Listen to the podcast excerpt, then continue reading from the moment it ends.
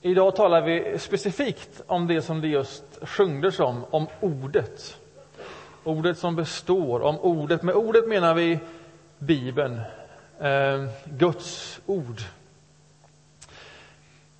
Det vi tänker med den här serien om djupa rötter är att nu för vi oss tillbaks till, eh, till grunderna, till det som är så fundamentalt. Man kan inte bara lägga på och nyansera, man behöver nu också ta sig tillbaks till, till grunderna få fatt i dem, få fatt i källorna eh, och låta rötterna få fäste rejält och bli djupa så att man står stadigt. Det är ambitionen med det här. Och om man finns här i den här kyrkan i olika sammanhang, man firar gudstjänst kanske här, man finns på olika samlingar, så ser man att nu och då, ganska ofta, så dyker den här boken upp.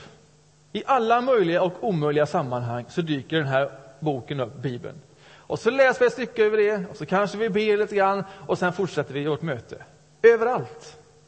Och om man betraktar det här från utsidan så måste det vara underligt att så mycket kretsar omkring den här boken. Det vi kallar för Guds ord eller för Bibeln. Vad är det som är så speciellt med den här boken? Varför låter vi den här bli så central, så fundamental i en kyrka, i en gemenskap som det här? Det ska jag försöka säga några ord om, om nu. När vi formulerar oss i vår församling i det vi kallar för en församlingsordning som beskriver vad är det riktigt viktiga, centrala här och så försöker vi koncentrera det i några meningar. Då finns det en rubrik som handlar om just Bibeln och där säger vi så här att Bibeln är vår grund och vår främsta källa för tro och liv. Det här är ganska kraftfullt formulerat. Det här är grunden. Alltså det är på det här vi står. Och det här är vår främsta källa för det vi tror och för hur vi lever. För tro och liv. Och dessutom, med dagens rubrik, så tänker vi oss att med det här ska vi bli ett. Det ger oss djupa rötter. Vad betyder det? Vad är det att bli ett med detta? Är det att bara få den här bibeln i sin hand, som många nu har fått på vägen in i gudstjänsten, och så läsa den så mycket tills man kan den. Och sen när man kan allt som står här i, så att man kan tentera av och få alla rätt, då är man ett med det som står här. Eller vad betyder det att bli ett med det som står här? Alltså risken om man gjorde så, om man fick Bibeln och tänkte ja men då gör vi det och så börjar vi från början. Det är att om du fick den här Bibeln så skulle du på en gång tänka, ah, den var inte så tunn som den såg ut på utsidan. Någon lurar mig, här är riktigt tunna blad i den här. Och dessutom riktigt små bokstäver. Och det är massiv text. Och det är inga bilder. Och sen börjar man ändå läsa. Och sen efter ett tag så tänker man, det här är inte alldeles det här är inte alldeles intressant. Det känns inte alldeles aktuellt och alldeles viktigt. Och ganska snart så skulle man känna, alltså varför ska jag bli ett med det här? Och om man inte känner så, då är det fel, tror jag. Om man börjar från början och bara matar sig igenom. Så hur ska man förhålla sig till den här boken? Och vad betyder det egentligen att bli ett med den här boken? Jag ska läsa ett sammanhang och belysa det utifrån det. Och det hämtar jag ifrån Nya testamentet. Det är det andra brevet till Timoteus. Du får det på skärmen här, både hänvisningen och sidan. Kapitel 3 och från vers 14.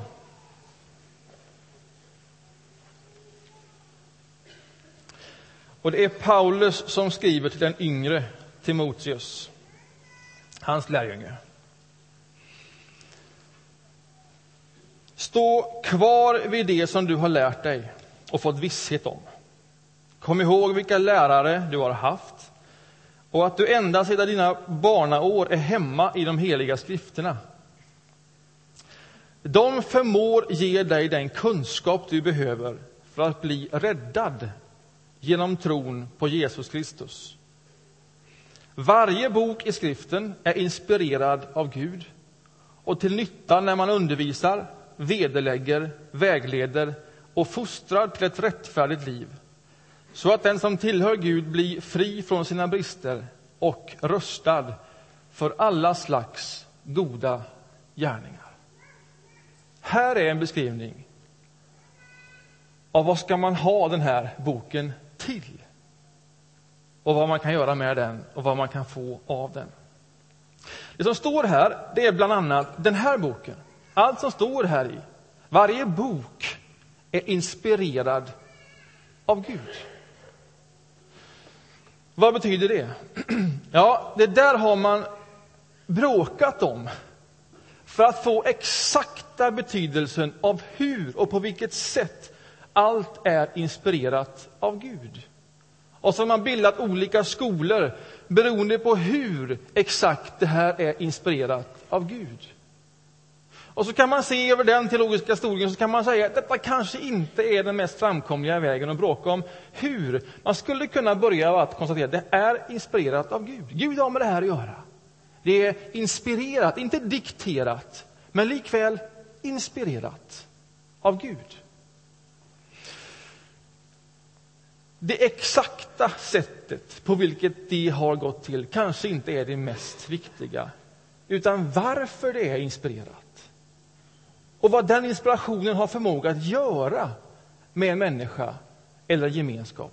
Det kanske är ännu viktigare, alltså vad det blir av den här typen av inspiration. Att Gud har att göra med det som står i de här böckerna. Och då läser man, alltså vad kommer då av den här inspirationen om man tar del av detta? Jo, står det, den här inspirationen, den har förmåga att rädda dig genom tron på Jesus Kristus. Och rusta dig för alla slags goda gärningar. Ah, det där är lite intressant. Det som står här, det som Gud har med att göra, det som Gud har inspirerat, det har förmåga, möjlighet om jag exponerar mig för det, att rädda mig och rusta mig. Alltså läser jag det som står här i, både för min egen skull och för andras skull. För att bli räddad och rustad. Det där är ju en, en bra start. Alltså inspirerad finns i ett sammanhang. Inspirerad leder till räddning och rustning. Sen är det också så att räddningen och rustningen finns i ett sammanhang. De ska också förstås i samband med andra saker. Därför att alla böcker nu är inspirerade av Gud. Att Gud har någonting med allt det som står här att göra, det betyder inte att vi kan läsa alla böcker och allt det som står här från början till slut på samma sätt.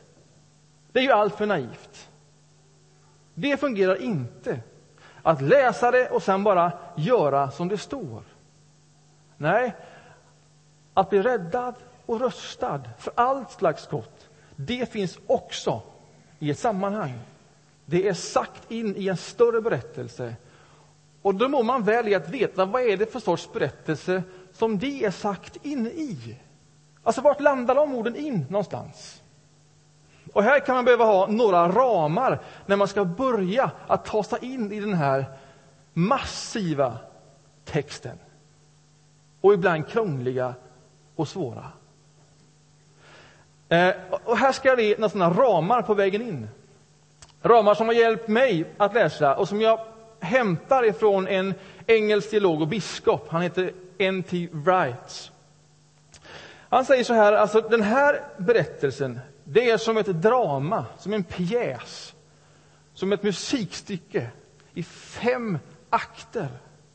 Och Det kan vara bra att ha lite koll på de här akterna för att veta i vilken akt är jag nu när jag läser. Och på vilket sätt ska jag förhålla mig till just den akten. För varje akt har ett speciellt syfte och ett budskap. Och så säger han den första akten. Det, det, är alldeles uppenbart när man börjar från början. Den handlar om skapelsen. När Gud gör allt det som man kan se och inte se. Allt kommer till, skapas. När det har skapats så tittar Gud på allt det här och så säger han detta är gott. Åh, vad vackert! Så tjusigt. Han är så nöjd över allt det han ser. Över människorna, allt det andra som omger människorna av skapelse. Detta är skönhet. Detta är gott. Ja, det finns nog inget bättre ord. Detta är bara gott. Och likväl är det så att man kan inte gå in i det och läsa det som om det vore den akten som pågår nu i dramat. Så att allting man ser bara är gott.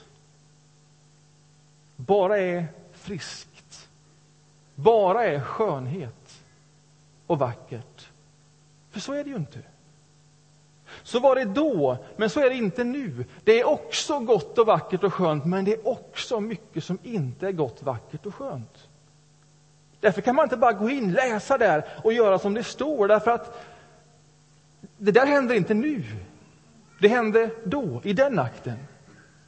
Det är mer komplicerat än så. Och så går man vidare till nästa akten, säger Nästa akten, det kallar vi för fall.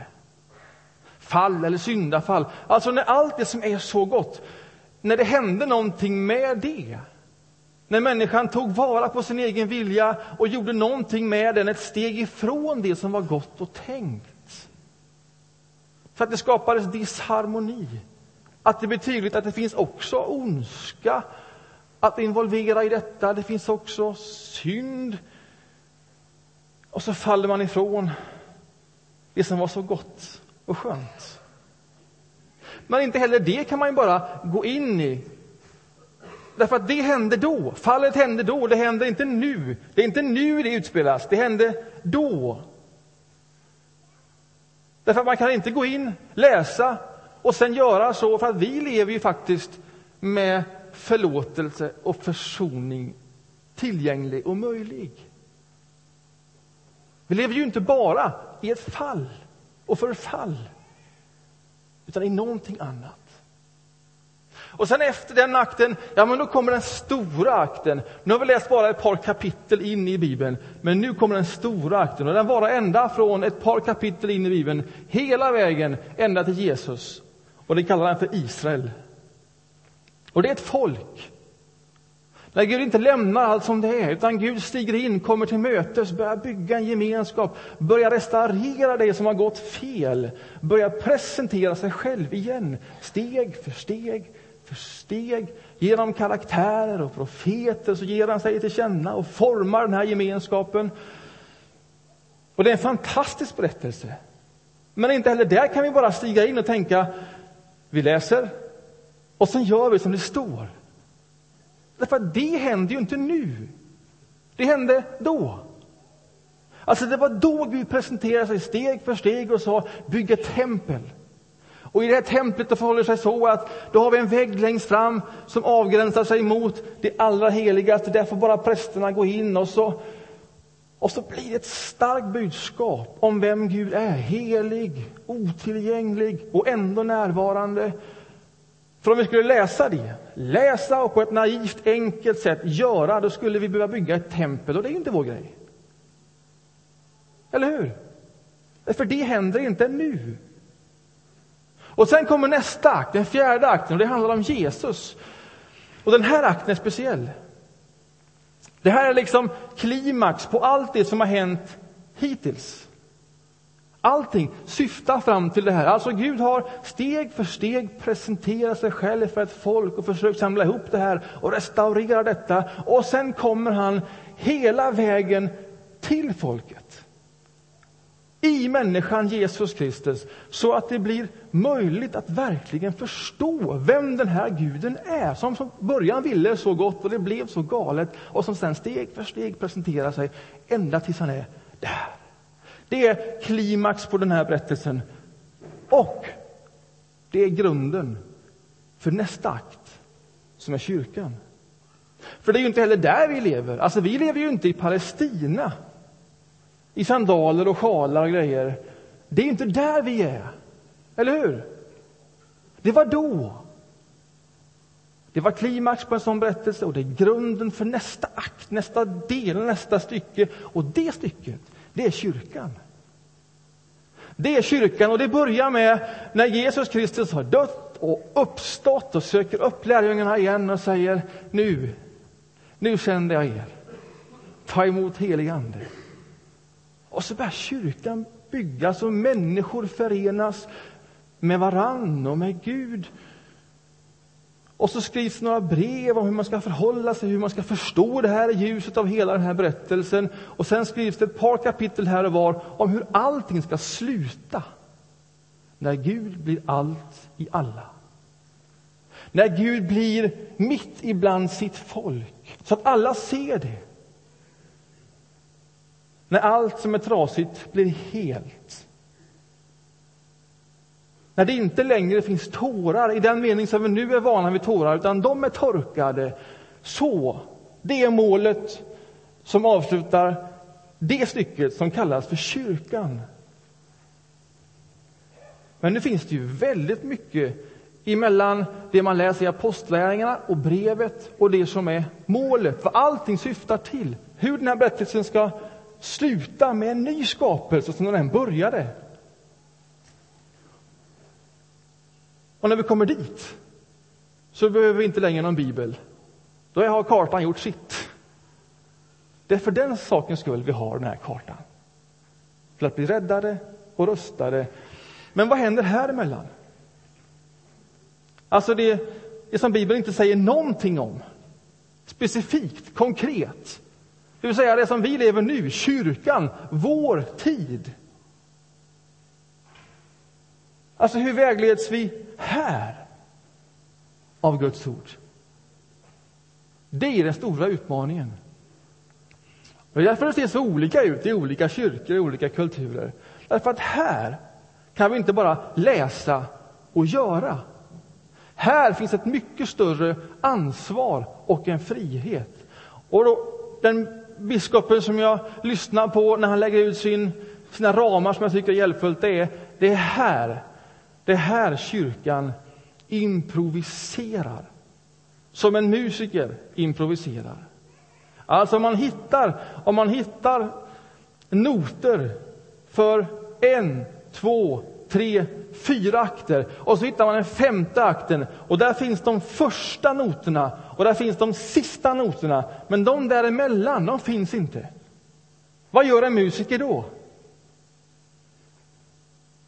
För att fullborda detta, för att spela sin del så att det inte blir tyst där. Ja, då improviserar en musiker. Och att improvisera det betyder inte att göra som man vill. Att improvisera, det kräver kunskap och erfarenhet och lyhördhet. För att kunna improvisera här, så man inte plötsligt spelar ett helt nytt stycke, så måste man veta, hur lät det innan? Hur, vad var det för takt? Vad var det för genre? Vad var det för stil? Vad är det för notbild? Vad är det för... Och dessutom, vilka spelar jag med här? Vilka är mina medspelare? Och i allt detta så fortsätter man och så skapar man någonting utifrån det här och så vet man också vart det till sist ska landa. När Gud blir allt. När han är centrum för allting. När allt är helt igen. Där ska vi landa. Och här improviserar vi som de värsta musikerna eller skådespelarna som har sitt manus men det saknas en bit och man vet hur det slutar. Det är vår roll. Det är kyrkan. Och för att det här ska vara möjligt överhuvudtaget så behöver man veta någonting. Alltså, varifrån kommer vi? Inte för att upprepa det på ett naivt enkelt sätt, men varifrån kommer vi? Och vad är liksom höjdpunkten i den här historien som är Jesus Kristus, klimax på allting och grunden för för oss.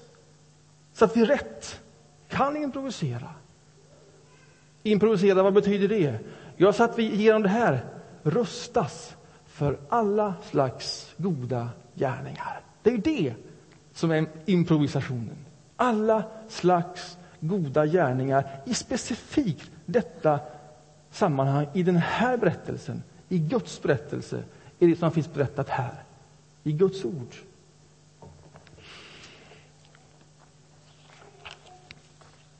Jag ska läsa ett bibelstycke till som jag tycker sätter ord på det jag försöker beskriva. Ifrån Johannes evangelium, kapitel 20. Och från vers 21.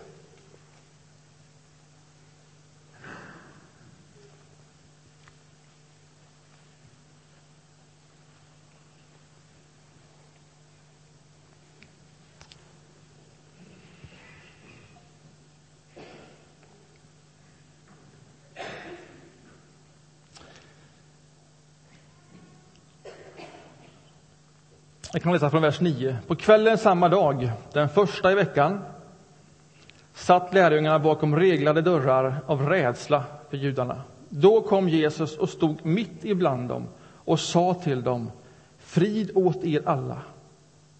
Och sen visade han dem sina händer och sin sida. Lärjungarna blev glada när de såg Herren. Och Jesus sa till dem igen, frid åt er alla. Och sen kommer de här orden. Som Fadern har sänt mig, så sänder jag er. Ta emot helig Ande. Som Fadern har sänt mig, så sänder jag er. Alltså, det är vår akt. Det är det som är kyrkan. Att Jesus nu sänder oss som han var sänd av Fadern. Och om vi ska veta hur vi ska spela vår akt, alltså hur, hur är vi då sända? Då måste vi veta någonting om Jesus. Eller hur? Och för att veta någonting om Jesus så måste man veta det som föregick honom, annars blir också det obegripbart. Men om du ska koncentrera dig på någonting så är det Jesus. Därför att det är som han blev sänd som nu vi sänds ut. För att förstå allt detta så är Jesus våra viktigaste glasögon. Han är vår klimax, han är vår grund. Så här säger en annan teolog, Anders Piltz. han tycker jag fångar det. I Jesus har Gud sagt allt. Han har målat sitt eget porträtt och signerat det är Gud. I Jesus har Gud sagt allt. Alltså för oss blir det inte tydligare beskrivet vad alla slags goda gärningar är än i Jesus Kristus. Det är så vi är kyrka. Det är så vi är sända. Och vi är inte ensamma i vår akt. Vi är inte ensamma i hur vi nu ska improvisera oss fram till detta det är inte bara en intellektuell förståelse så att vi kan läsa oss, lära och tentera av, utan Gud finns också närvarande i improvisationen genom sin heliga Ande. Genom Hjälparen som påminner om det som Jesus har sagt och i vilket sammanhang vi finns, så att vi kan spela ut vår del. Men det är inte bara du och Anden som ska fundera ut det här. Utan du och Anden i det sammanhang som kallas kyrkan. Därför att det är det som är akten. Det är där det utspelas. I en gemenskap med Jesus i centrum och med ett tydligt mål. Och då kan det inte se ut hur som helst. För då spelar man en ny sång. Då spelar man en ny pjäs. Och man fullbordar inte samma pjäs eller samma stycke. Det är i det sammanhanget, mitt i församlingen, mitt i kyrkan med Jesus som viktigaste glasögon, det är där du ber om helig Ande. Och det är där helig Ande vägleder dig så att du rustas för alla slags goda gärningar. Det är så mycket frihet och ansvar, men det finns ändå någonting att hålla sig i. Så här skriver vi i vår församlingsordning igen. Jag citerar det, för jag tycker det är ganska bra. Eftersom Bibeln tillkommer i en annan tid, det är det vi har sagt, än vår tid, så måste den tolkas. Allt annat blir konstigt. Och Det här sker när vi som församling möts i lyssnande och samtal under bön om Andens ledning och med utgångspunkt i Jesus Kristus som är Guds ords centrum. Därför att i Jesu ord och gärningar, där ser vi hela Guds avsikt och handlande med den här världen. Där vet vi varifrån vi kommer och vad som är målet. Så tänker vi om den här Bibeln. Och därför är den så central. Därför läser vi den igen och igen och igen. Så hur blir man då ett med ordet, om man nu vill bli det? Och vad betyder det? Ja, det betyder, nu summerar jag, att den här berättelsen blir min egen ryggrad.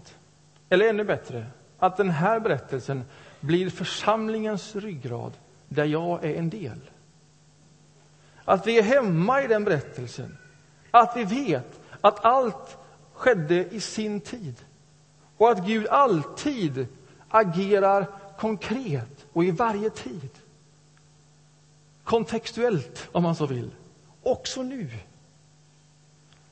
Det måste vi säga till varandra.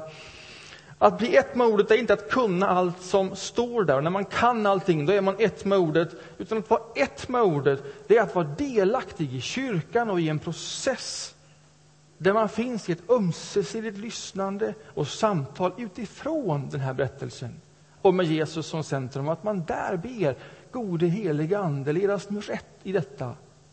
Inte bara så att vi förstår, utan så att vi kan gå bli rustade för alla slags goda gärningar. Att vara ett med ordet, det är någonting som händer, som pågår. Det är ett liv. Det är ett liv mitt i församlingen. Och hur gör man det? Ja, ibland har vi gett varandra för stort ansvar, tror jag. Så här, gå hem och läs. Ja, det är inte så enkelt. Tänk om skolan var uppbyggd så. Här är böckerna, gå hem och läs. Då skulle allt då skulle allt kunskap tas ifrån Wikipedia. Hur blir man ett med ordet? Några grundläggande saker. Fira gudstjänst regelbundet. Alltså varje vecka så kommer man in i ett sammanhang där det som händer har sin inspiration härifrån och där vi läser detta, reflekterar detta, lägger ut detta. Fira gudstjänst varje vecka och du finns delaktig i den process som det är att vara ett med ordet. Ringakta inte gudstjänsten som del i din egen bibelläsning. Var med i en husgrupp eller en huskyrka där du har ännu större möjlighet än nu. Formen tillåter inte det. Ännu större möjlighet att vara delaktig och interagera och komma med egna upplevelser och erfarenheter utifrån det ni läser. Men sen kan ju allting inte bara vara gemensamt. Det är väl också så med skolans värld. Allting kan inte bara ges och presenteras. Utan när eleven också själv tar hem någonting och själv läser och själv reflekterar och själv googlar och allt vad man nu gör så, va? så händer någonting också i den bearbetningen, men den är satt i ett sammanhang. Så det finns ett eget ansvar. Ta det. Ta det. Därför att om du gör det och djupnar dina egna rötter så känner du dig än mer fri att improvisera. Därför att det sitter i din ryggrad vad det är. Du är rustad för alla slags goda gärningar. Du vet vad målet är med allt. Så den här växlingen, ta vara på den. Läs det här som en roman. Bara läs det. Bara dundra igenom. Enter Wright han är ju engelsman, så han kan säga också så här att läs det mer som du dricker öl än sipprar på vin. Alltså han, han häver den i sig, en kall öl.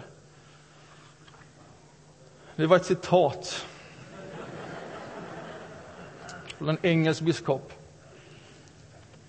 Men det går att förstå vad han menar, eller hur? Alltså läs den så du får ramarna, så du får helheten, så du får storyn. Det här är storyn, i sammanhanget. Och ska du sen dyka ner, dyk ner i Jesus. Där! Var lite mer noga där. Läs evangelierna. Om du har gjort det flera gånger och när du börjar igen så tänker du att det här kan jag, det här har jag gjort flera gånger förut. Jag har gått i söndagsskolan. Det känns som att jag orkar inte upprepa det där igen. Fem fiskar och två bröd och två, eller du vet så va? Läs ihop med någon. Någon vän. Eller läs så här. Ett boktips. Läs med en riktigt bra bibelkommentar. Det här är utgivet på Marcus förlag, reklam. Därför att det här är kanske just nu det bästa på svenska som finns översatt. Det är den här killen, N.T. Wright, som skriver utläggande, en liten bibeltext och sen en liten text omkring den. Det är som att läsa evangelierna ihop med en vän. Och så reflekterar man tillsammans. Och det här är, det här är att använda som en andaktsbok. Eller när man förbereder en predikan, om du ska göra det. Vi har den spännvinden. Det finns flera stycken. Köp en sån. Beställ dem på nätet. Gå till din bok. Det är ett fantastiskt hjälpmedel att bara komma igång. Att få fatt i det igen och bidra till det som händer i en församling. Så att vi tillsammans blir ett med orden. Med ordet. Att bli ett med ordet, det fördjupar rötterna. Det får dig att stå stadigt hos Gud. Det räddar dig och det rustar dig för alla slags goda gärningar. Nu ber jag en bön. Tack gode Gud för ditt ord. Att det är inspirerat av dig. Att du finns involverad i allt det som den här berättelsen skriver. Även i det som vi inte förstår, det som känns svåråtkomligt. Tack att du agerar direkt, konkret, i varje tid. Och tack för att vi får leva i vår tid och att du på samma sätt som i allt det vi nu läser om också agerar direkt och konkret i vår tid, här och nu. Att den här berättelsen inte är slutberättad. Att, den här, att det här musikstycket inte är färdigspelat, utan vi får stå mitt i det. Och i det samverka med dig, gode helige Ande, så att vi till sist fullbordar den berättelsen. När du är allt i alla. När du finns mitt i vår gemenskap. När vi inte längre behöver den här vägkartan. Utan det är uppenbart, klart, avtäckt, uppenbarat. När allt är läkt, när allt är helt, när allt är nytt igen. Gode Gud, hjälp oss att spela vår del trovärdigt, helt och fullt. Amen.